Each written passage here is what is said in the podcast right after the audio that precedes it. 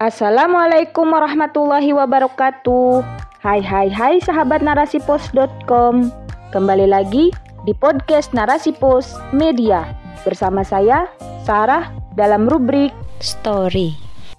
Narasipos.com. Cerdas dalam literasi media, bijak menangkap peristiwa kunci.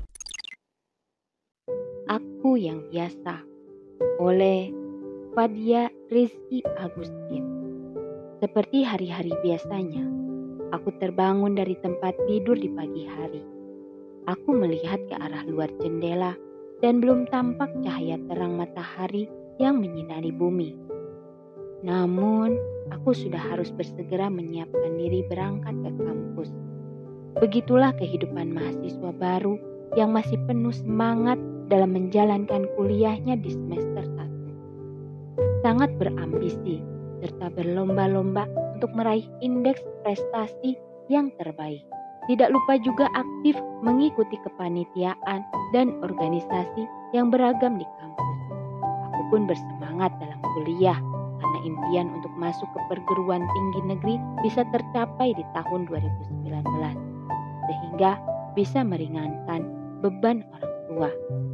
Jika nantinya aku masuk ke kampus swasta, maka tidak ada lagi dalam diriku yang bisa dibanggakan dalam hal prestasi.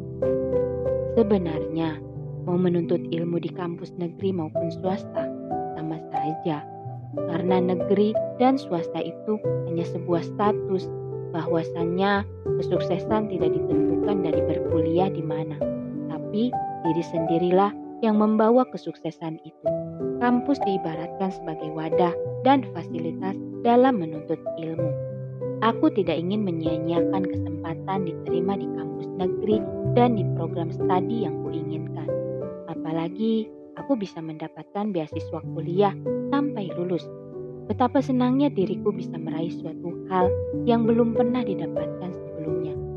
Hal ini sebenarnya masih biasa saja karena banyak orang di luar sana yang juga mendapatkannya.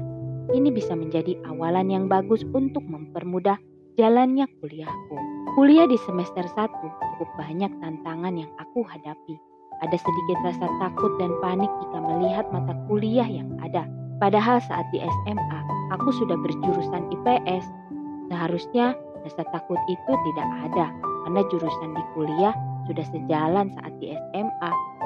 Aku kuliah mengambil jurusan pendidikan ilmu pengetahuan sosial IPS. Tidak pernah terpikirkan untuk mengambil jurusan itu. Namun, aku bertekad untuk meneruskan impian aku di sini. Aku bisa membuktikan bahwa aku mampu untuk melanjutkan pendidikan yang lebih tinggi. Masa perkuliahan banyak sekali perbedaan yang bisa dilihat dan dirasakan dalam proses menuju kedewasaan. Karena sudah beralih dari yang tadinya status siswa menjadi mahasiswa. Tidak ada lagi pakai seragam kalau mau belajar bisa bebas pakai baju apa saja, tetapi tetap saja harus sopan. Apalagi kuliah jurusan pendidikan. Bukan berarti saat kuliah bisa sangat bebas karena dosen pun kadang memperhatikan pakaian mahasiswanya.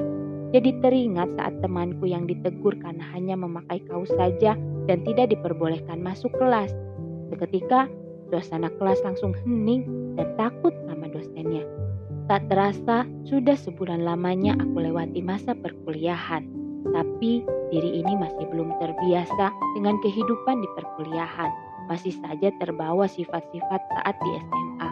Paling tidak betah jika pulang dari kuliah itu malam karena jarak dari rumah dan kampus cukup jauh. Sehingga sepulang kuliah saja sudah merasa lelah. Bisa dibilang aku hanya menjadi mahasiswa kupu-kupu yang sehabis kuliah hanya pulang tidak mengikuti organisasi maupun kepanitiaan.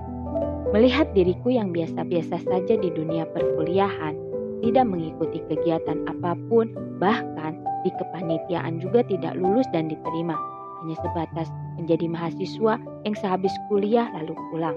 Tidak ada kesan dan pengalaman unik yang belum pernah didapatkan. Akhirnya, aku jalani saja. Bagiku, masih banyak pengalaman yang bisa didapatkan di luar tidak hanya sebatas di jurusan atau di kampus saja. Tidak terasa sudah melewati semester 1 dan sudah memulai semester 2. di semester 2 sudah ada kemajuan dalam diriku.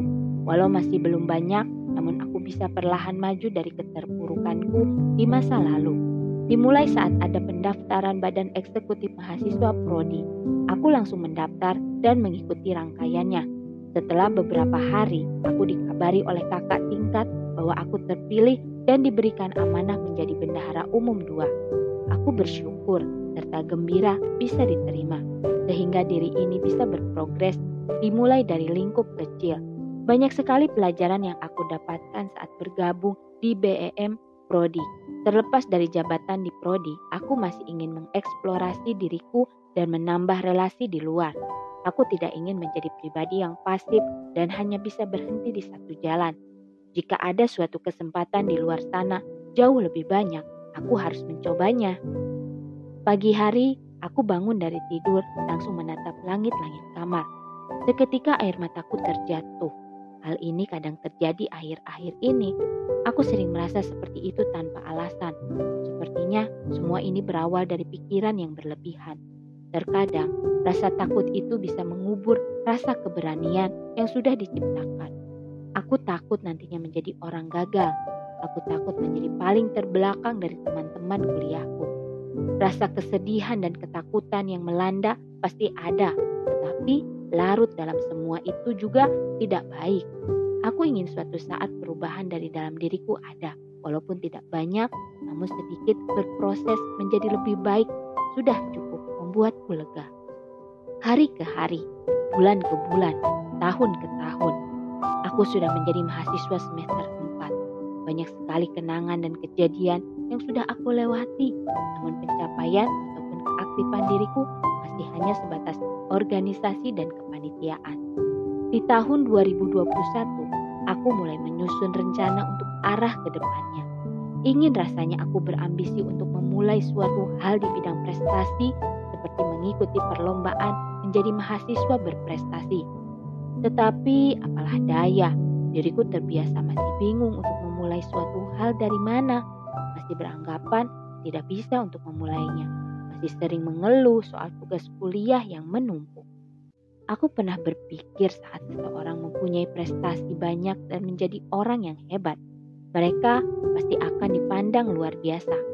Berbeda jika seseorang yang tidak mempunyai apa-apa dan hanya menjadi orang biasa, padahal semua manusia mempunyai kelebihan dan kekurangannya masing-masing. Manusia memang harusnya banyak bersyukur, tidak semua kelebihan yang kita punya akan berdampak baik.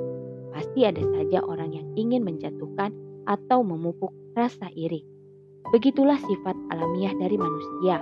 Itu hanya sekedar pendapat serta pandangan dari aku.